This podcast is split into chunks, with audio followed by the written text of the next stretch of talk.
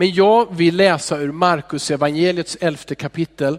För jag vill nu gå vidare där jag har hållit på under flera år men tagit en lång paus under sommaren. Att predika igenom Markus evangeliet. Och det här är de, de sista verserna i, kap, i kapitel 11. Men det är också början till en konflikt.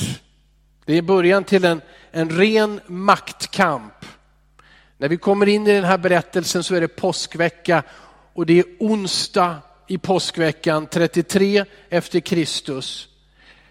Och inom två dagar så kommer det se ut som om Jesus har förlorat den maktkampen. En maktkamp som han inte förlorade. Utan för att, måste, många har ju uppfattningen att Jesus var svag. Ja, det slut, han sa bra saker men det slutade ju dåligt. Hur kunde han vara en Guds profet om han hängde på ett kors och dog där? Men saken är ju den att det har ingenting med en inneboende svaghet att göra Jesus. Utan att han valde i ödmjukhet att ge sitt liv. Och Jesus hade en unik kraft, makt, fullmakt som Bibeln visar. Att Jesus kunde ge sitt liv men också ta det åter. Du och jag, vi har i stora drag absolut ingen kontroll över döden och abs absolut inte över någon slags uppståndelse.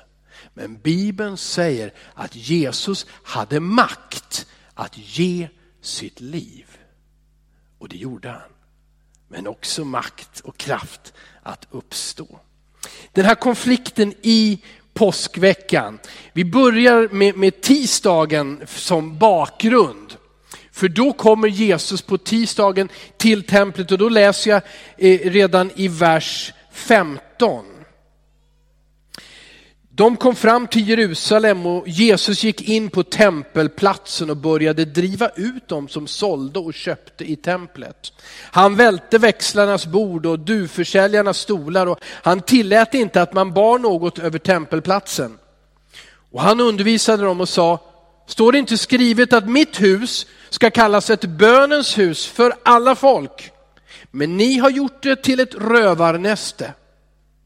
Översteprästerna och de skriftlärda hörde det och de försökte finna ett sätt att röja honom ur vägen. De var rädda för honom eftersom alla människor var överväldigade av hans undervisning. Det här är vad som händer dagen innan och det här predikade jag om i maj tror jag det var. Så nu tänker jag inte predika om hur Jesus rensade tempelplatsen. Men det här är bakgrunden. Så kommer han tillbaka på onsdagen och då läser vi från vers 27. De kom in i Jerusalem igen.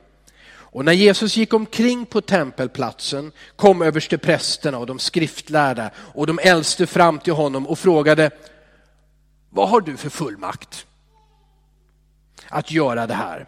Vem har gett dig den fullmakten att göra det? Jesus svarade dem, jag vill fråga er en sak. Svara mig så ska jag säga er vad jag har för fullmakt att göra det här. Johannes dop, var det från himlen eller från människor? Svara mig. De samrådde med varandra. Säger vi från himlen så säger han, varför trodde ni då inte på honom? Men kan vi säga från människor? De vågade inte det för folket eftersom alla ansåg att Johannes verkligen var en profet. Så de svarade Jesus, vi vet inte. Jesus sa till dem, då säger inte heller jag till er vad jag har för fullmakt att göra det här.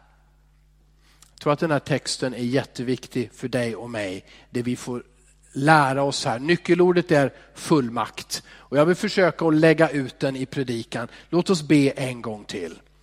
Fader i himlen, vi tackar dig för ditt ord Herre. Vi tackar dig för berättelser om Jesus, men vi tackar också för, det, för den, de principer som du har lagt ner. Som ska bli till kunskap och till liv och vishet och kraft också för oss. Undervisa oss du Herre, jag ber dig. Lär oss att lyssna in vad du säger genom ditt ord och genom din heliga ande som är närvaro här. Och hjälp oss att följa dig i Jesu namn. Amen. Amen. Ja, det handlar ju om fullmakt. De frågar vad har Jesus för fullmakt? Eh, vad betyder fullmakt? Det, det grekiska ordet exousia. Eh, det betyder i princip frihet att agera. Eh, frihet att välja, att fatta beslut, ett mandat att använda kraft. Det är fullmakt. I engelska översättningar så står det egentligen alltid authority, auktoritet. Eh, och det finns när vi läser Bibeln. Det finns ingen, ingen som hade en sådan makt och en sån fullmakt som Jesus. Och han använde den, men inte som vi människor ofta förväntar oss att man ska använda makt. Eh, Matteus 28, 18 säger, åt mig har blivit given all makt i himlen och på jorden. Gå därför ut och gör alla folk till lärjungar. Han lägger en grund, en bas för att han sänder dig och mig i sin egen makt, i sitt mandat, i sitt fullmakt. Efesebrevet 1 och 21 säger de här otroliga orden om Jesus. Att Gud satte honom på sin högra sida i himlen högt över alla härskare, makter, krafter och herradömen och alla namn som kan nämnas. Inte bara i denna tidsålder utan också i den kommande. Bibeln hyllar Jesus som den som har mer makt än någon eller någonting annat. Och den här auktoriteten som Jesus hade, den märktes så tydligt ända från första början. Vi har ju som sagt eh, gått igenom Markus evangeliet, det har väl tagit ett par år att komma fram till, till kapitel 11. Kanske kommer någon ihåg att i kapitel 1, vers 22 så stod det så här. Folk blev överväldigade av hans lära. För han undervisade dem med auktoritet och inte som de skriftlärda. Vad gjorde de skriftlärda? Jo, de sa, de var ju rabbiner. Och då sa, ja den här rabbinen han sa så här och så här om det här bibelstället från Mose. Men en annan rabbin sa så och innan det så sa den rabbinen så. Och så kom deras auktoritet ut att de hade gått i skola, de hade lärt sig saker innan och utan till och de citerade här och de citerade där och de citerade där. Och så kommer Jesus och säger, men jag säger er, och Jesus citerade inte en enda rabbin. 75 gånger så säger Jesus, ni har hört, ni känner igen det framförallt från bergspredikan, ni har hört det sägas, men jag säger er. Och så går han igenom olika saker. Och inte en enda gång så säger han, jo men det var så här att han tyckte så, hon tänkte så, vi, vi kanske hamnar någonstans i mitten. Det fanns inte hos Jesus.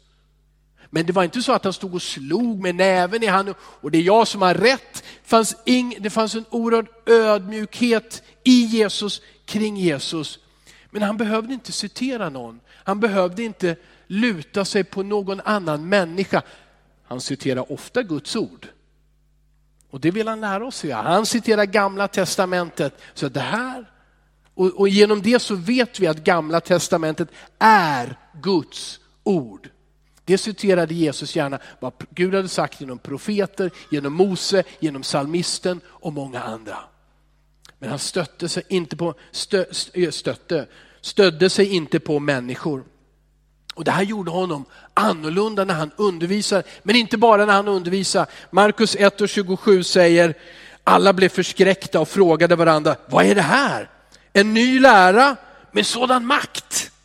Till och med de orena andarna befaller han och de lyder honom. Utan att skrika, utan att vifta med armarna. Så sa Jesus, bli fri och människor blev fria. Han talade till demoner, gå, lämna denna människa. Och människor tömdes på det onda som hade behärskat dem och var öppna för att ta emot Guds ande. Det här är Jesus, hans lära Hans doktrin, det var fullmakt i det han sa, men också i det han gjorde.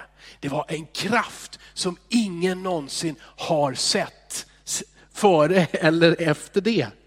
Det här är Jesus. Han hade fullmakt, och nu går, läser vi inte alla bibelställena. Men från kapitel 2, vers 5 och vers 10 vet vi, han hade fullmakt att, lä, att förlåta synder.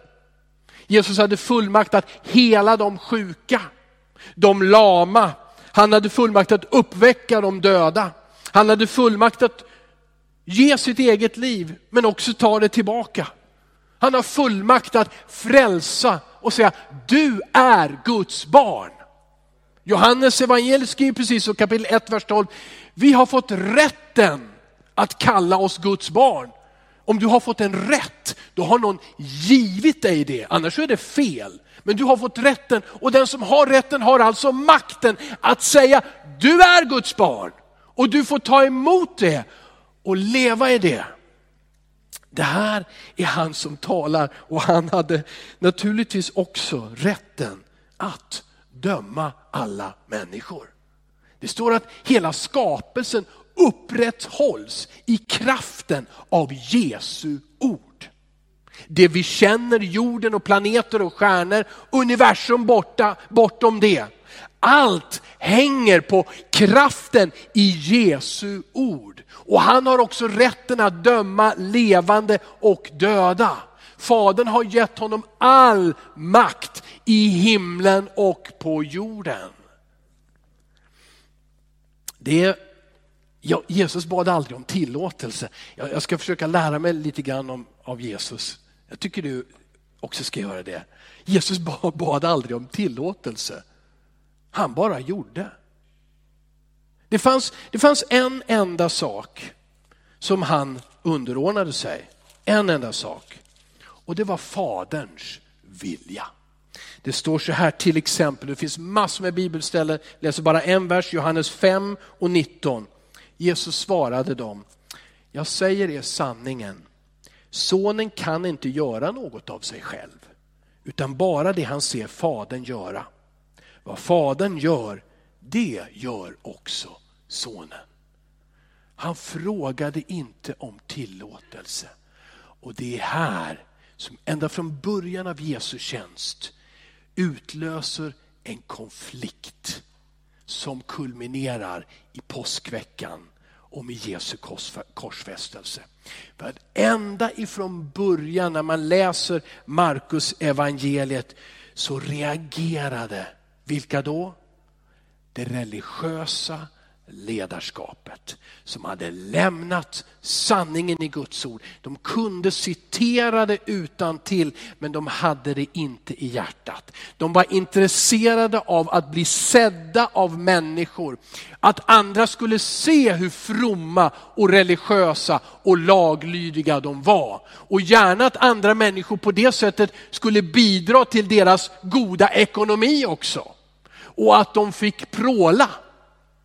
Och dessa människor reagerade på en gång, för de hade lärt sig ett system. Vi citerar dem och vi lär oss det här och du är lite för dum för att få lära dig det här så du behöver inte ens tänka på detta. De delade upp i ett klassamhälle där man dömde ut, där man föraktade människor, där man föraktade kvinnan som hade varit gift flera gånger. Där man, inte, där man tyckte illa om mannen som, som tjänade också romarriket under de förutsättningarna för att tjäna pengar. Där man såg ner på dem som var spetälska och sjuka och sa ni får ha en egen koloni utanför stan. Kom inte nära oss och kommer ni nära oss och ropa att ni är spetälska så kan, så kan ni ta en omväg sen. Så slipper vi se er och träffa er. De fina religiösa människorna fick på en gång en konflikt. Vem, vem, vem har gett dig den här makten Jesus? Vem har sagt att du får säga så här? Att Guds rike är nära alla människor. Vem har sagt att du får gå in till Simon den spetälsk och äta i hans hus? Vem har sagt att du får röra en kvinna som har brutit sitt äktenskap och som vi var redo att enligt lagen döma genom att kasta stenar på henne? Vem har sagt att du får komma och göra det här? Och det här samtalet och de här attackerna pågår under hela Jesu tjänst. Men det kulminerar i Jerusalem under den där veckan. På måndagen i påskveckan så red Jesus in på en åsna. Människor, folket, de var begeistrade. De ropade titlar och ord som Hosanna, alltså de prisade honom som Messias, räddaren som kommer. Kanske kommer ni ihåg, vi läser inte nu då, men att fariseerna än en gång, Jesus säg till dina lärjungar att sluta och ropa sådana här saker. Men Jesus tillät det. För han visste vem han var. På tisdagen som sagt så rensade han templet. Och det här var faktiskt inte första gången, framförallt om du läser Johannes evangeliet kapitel 2, vers 14, så ser du att Jesus gjorde samma sak i början av sin tjänst. Det här var två gånger som Jesus rensade templet. Så det var inte så att han hemlighöll det här i tre år och sen nu ska jag ha en liten kupp här. Utan redan i början av Jesu tjänst så var han där. Han vände sig inte emot vad Mose lag säger att, att man, de som kom resande från andra platser långt borta kunde köpa ett offerdjur där. Men han vände sig mot att man gjorde business av det, att man höjde priserna till det extrema för att utnyttja de fattiga och skona sig själva. Det var därför han rensade ut borden och sa, här ska man be och inte handla och kränga och utnyttja människor. Det här gjorde han sen under påskveckan. Och när han kommer in på tempelplatsen måste vi förstå att tempelplatsen är en mycket, mycket stor plats. I mitten står templet och så finns det olika gårdar med murar. Och den yttersta yttre gården, den kallas också för hedningarnas förgård. Och där var tusentals människor. Och där står det, när vi läser samma ställe fast i Lukas kapitel 20, att Jesus, de här dagarna så gick han omkring där och predikade evangelium och proklamerade sanning. Så hundratals, säkert tusentals människor hör hur Jesus går omkring. Men där finns nu inte bara fariseer utan också de från Jerusalem, saddukeerna och översteprästerna och de vill sätta åt Jesus. De vill få tyst på honom, de vill röja honom ur vägen. Men de har bara ett problem. De bryd, brydde sig så fruktansvärt mycket om människor. Så de vågade inte. För här var Jesus populär tusentals människor från landsbygden, kanske, kanske hundratusentals i Jerusalem för att det var påsk, för att fira påsk. Och de visste Jesus är den nya kungen. Och utav rädsla för folket så griper de inte Jesus. Men också av rädsla för att förlora sin egen makt och kontrollen över sitt eget liv så vågar de inte erkänna Jesus. Mörkrets män agerar alltid i mörkret. I skydd av natten, med hjälp av en förrädare, så satte de dit Jesus och trodde nu har vi honom. Men Jesus hade makt att ge sig själv för vår skull. Han gav sitt liv han, det togs inte ifrån honom.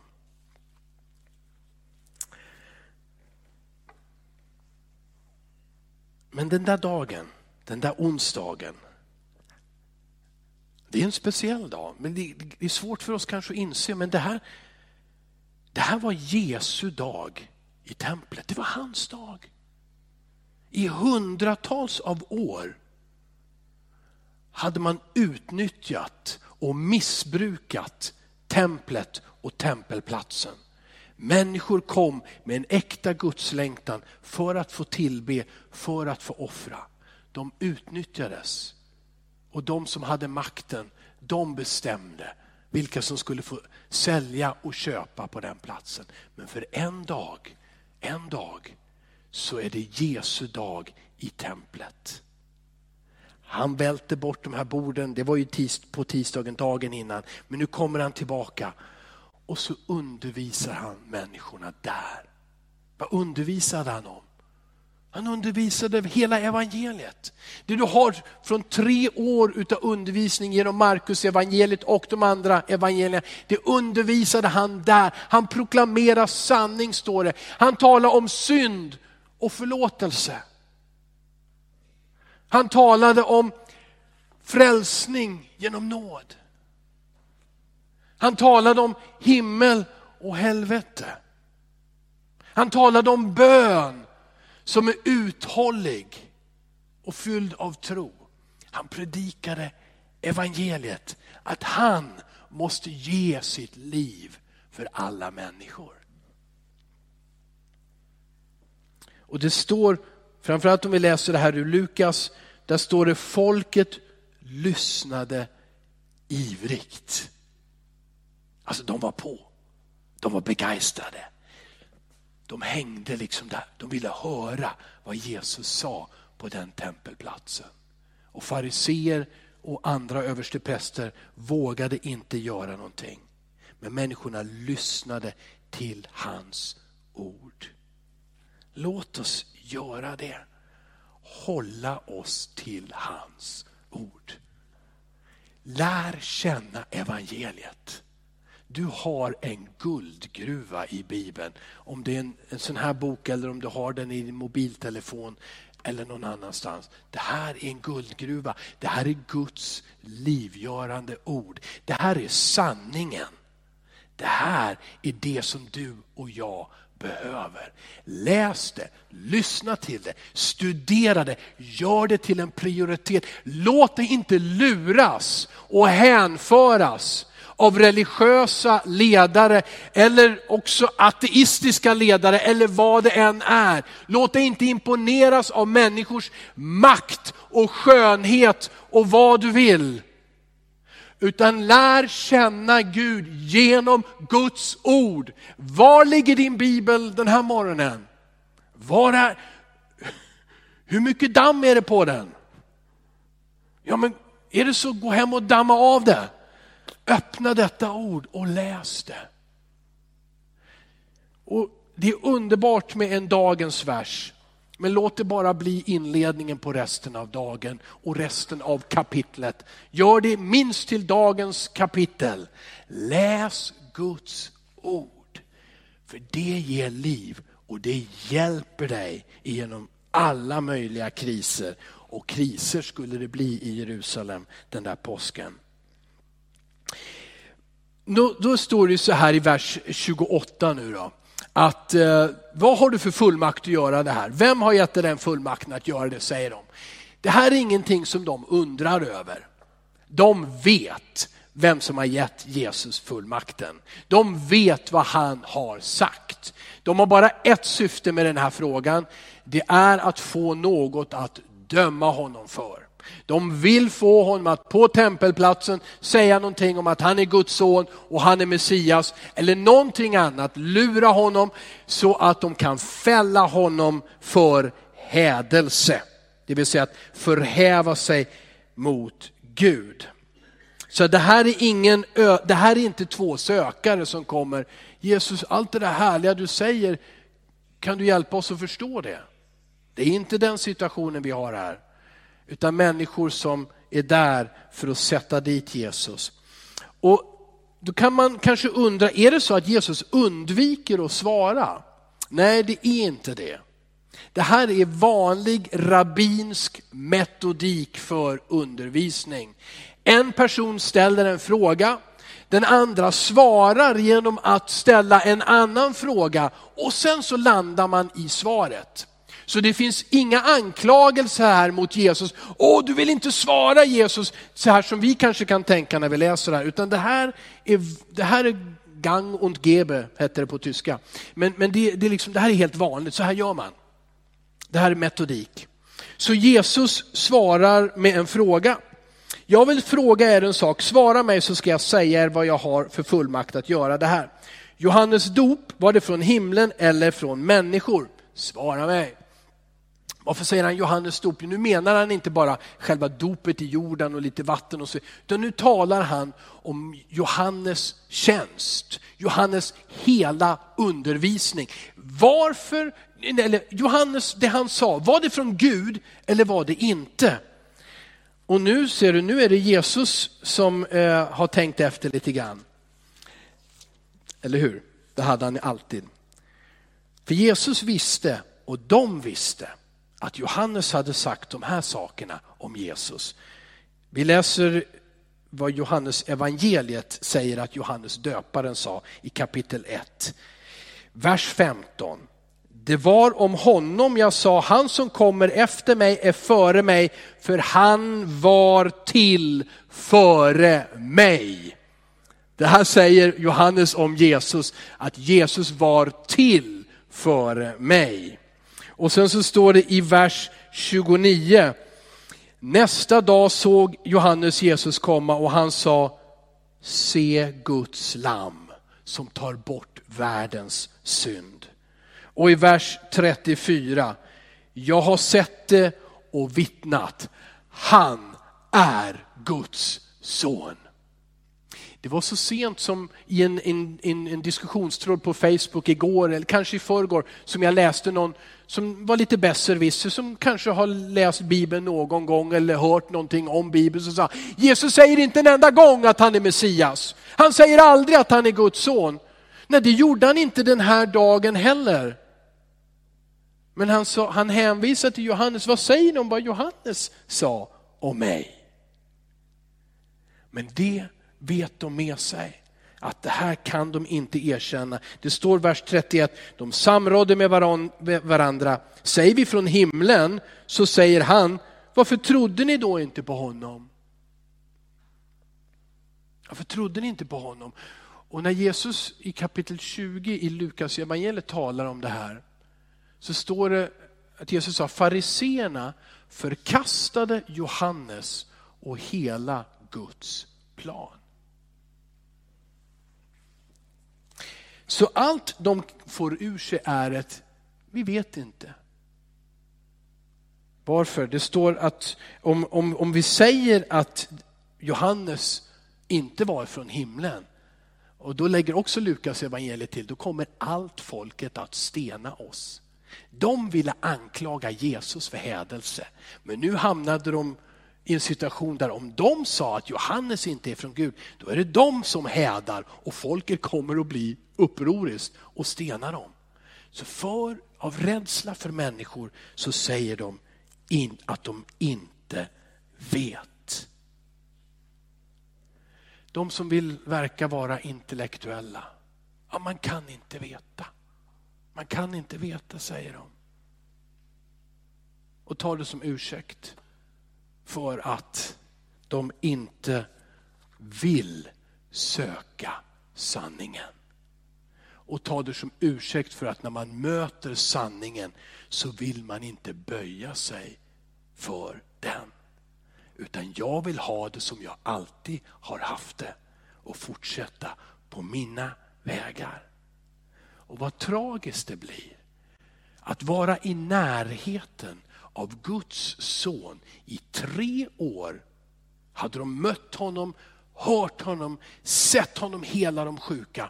Men hela tiden, vi måste bli av med honom. Han är obekväm. Det spelar ingen roll att han hjälper de fattiga, hela de sjuka. Förkunnar ett ord som lyfter hela folket och drar människor närmare Gud. Det intresserar oss inte. Och Jesus svarar det här, och det här låter ju tufft då. Då svarar Jesus, vi vet, okay. Jesus sa till dem, då säger inte heller jag till er vad jag har för fullmakt att göra det här. Varför svarar inte Jesus? Jo, för att det är slut på att övertyga den som inte vill bli övertygad. Det kan handla om respekt, men det kan också handla om att då får det vara så. Och när vi förkunnar om en nåd som aldrig tar slut, då stämmer det. Men du och jag behöver med Guds fruktan se upp Så att vi inte hela tiden dövar det dåliga samvetet. Jag kan inte, jag orkar inte, jag hinner inte. Jag, jag, vill, jag, nej men jag vill inte läsa Bibeln, jag orkar inte läsa Bibeln. Kan, man kan inte leva så som det står där. Det går inte. För att i de här människornas fall så kom det till den punkten då Jesus i princip sa, okej, okay, jag slutar att övertyga er. Ni har bestämt er för att inte lyssna, det får vara. Sen ska vi inte läsa kapitel 12, men i kapitel 12 genom liknelser och det Jesus säger, men jag kommer en dag att säga någonting till er. Jag ska döma levande och döda. Det är svårt att prata om det här nästan. Men vad hemskt om vi har hört om Jesu kärlek och Jesu nåd och sanningen och vi låter det stå tills det enda som finns kvar och som kommer ur Jesu mun är domsord om att vi går förlorade. Eh, inte en enda människa borde behöva hamna där. Till avslutning av predikan. Jesus har all makt. Det betyder att han kan hela din sjukdom. Han kan gå in och hjälpa dig i den värsta ekonomi full med skulder. Han kan gå in i, en tra, i trasiga relationer och ge hopp. Det står så här, allt är möjligt för den som tror. Och sätter du din tro på Jesus som har all makt så är allt möjligt. Det spelar ingen roll inför Gud vad du har gjort. När du tror på Jesus så förlåter han dina synder. Han frälser dig. Han kan rena dig. Det här kan han som har all makt. Och han delegerade den här fullmakten. Först till de tolv, sen till 70 stycken. Och han sa gå ut och predika evangelium. Be, hela de sjuka och befria de besatta. Och de gjorde det. Och denna fullmakt som Jesus har, har han gett till sin församling, till dig och mig att tjäna honom. Och en gång, vi ska inte lockas av att försöka imponera med mirakel som vi kan göra. Betoningen är vittna om Jesus, berätta för människor om vad du har upplevt. Om du inte tycker att du har upplevt så mycket, berätta vad som står i Bibeln. För det föder tro och hjälper människor att ta emot Guds nåd och sanning. Så ta emot för dig och ge vidare. Låt oss aldrig sluta att vittna och låt oss aldrig sluta att be för människor och låt oss aldrig sluta att tro att Gud hjälper dig och mig och var och en som kommer till honom. Amen. Fader i himlen, vi tackar dig för ditt ord. Halleluja. Vi hyllar Jesus Kristus som är Guds son.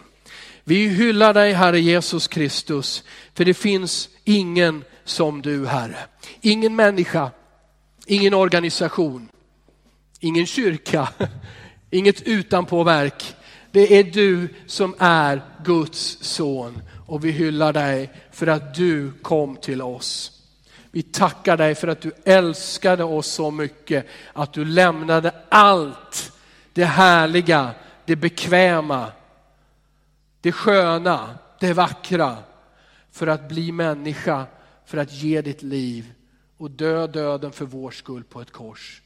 Vi hyllar och vi prisar dig som aldrig gav upp trots all smärta och mörker som kom över dig. Och vi ärar dig, du som är uppstånden. Du som är uppstånden från de döda och som ger liv till alla människor som kommer till dig. Du som ger liv och framtid, Herre. Vi tackar dig för att du har kallat din församling och du har utrustat den med ett mandat, med en fullmakt, en kallelse och den heliga andes kraft. Och vi ber Herre, än en gång Herre, låt oss fyllas med den heliga ande, med din kraft Herre, med frimodighet att tjäna dig. Jag ber i Jesu namn. Amen. Amen. Amen. Och när vi hyllar Jesus tillsammans i sång och i bön, så låt oss fortsätta att göra det. Men jag vill vända mig till dig som inte har tagit emot Jesus. Jag vill vända mig till dig som inte har frid i ditt hjärta. Den friden får du i den stund som du vänder dig till Jesus. Han förlåter synder. Han byter ut oro och ångest och han ger dig en trygghet och en frid. Och sen vill han att du ska följa honom resten av ditt liv. För det som du hittar hos Jesus det är en skatt värd mer än allting annat. Ger du ditt liv till honom får du den skatten, då ska du ta hand om den. Då ska du se till att ta reda på vad, hur blir jag döpt för att följa Jesus? Var får jag tag på en bibel så jag kan läsa mer om Jesus och Guds vilja? Var hittar jag en församling där jag får vara del av andra människor som följer Jesus och tjänar honom? Ta det här beslutet idag, ta kontakt med oss eller gå in på jesus.se eller någonting i eftermiddag. Men se till att du följer den här Jesus som frälsar. Vill du få förbön av oss? Vill du att vi ska be för dig?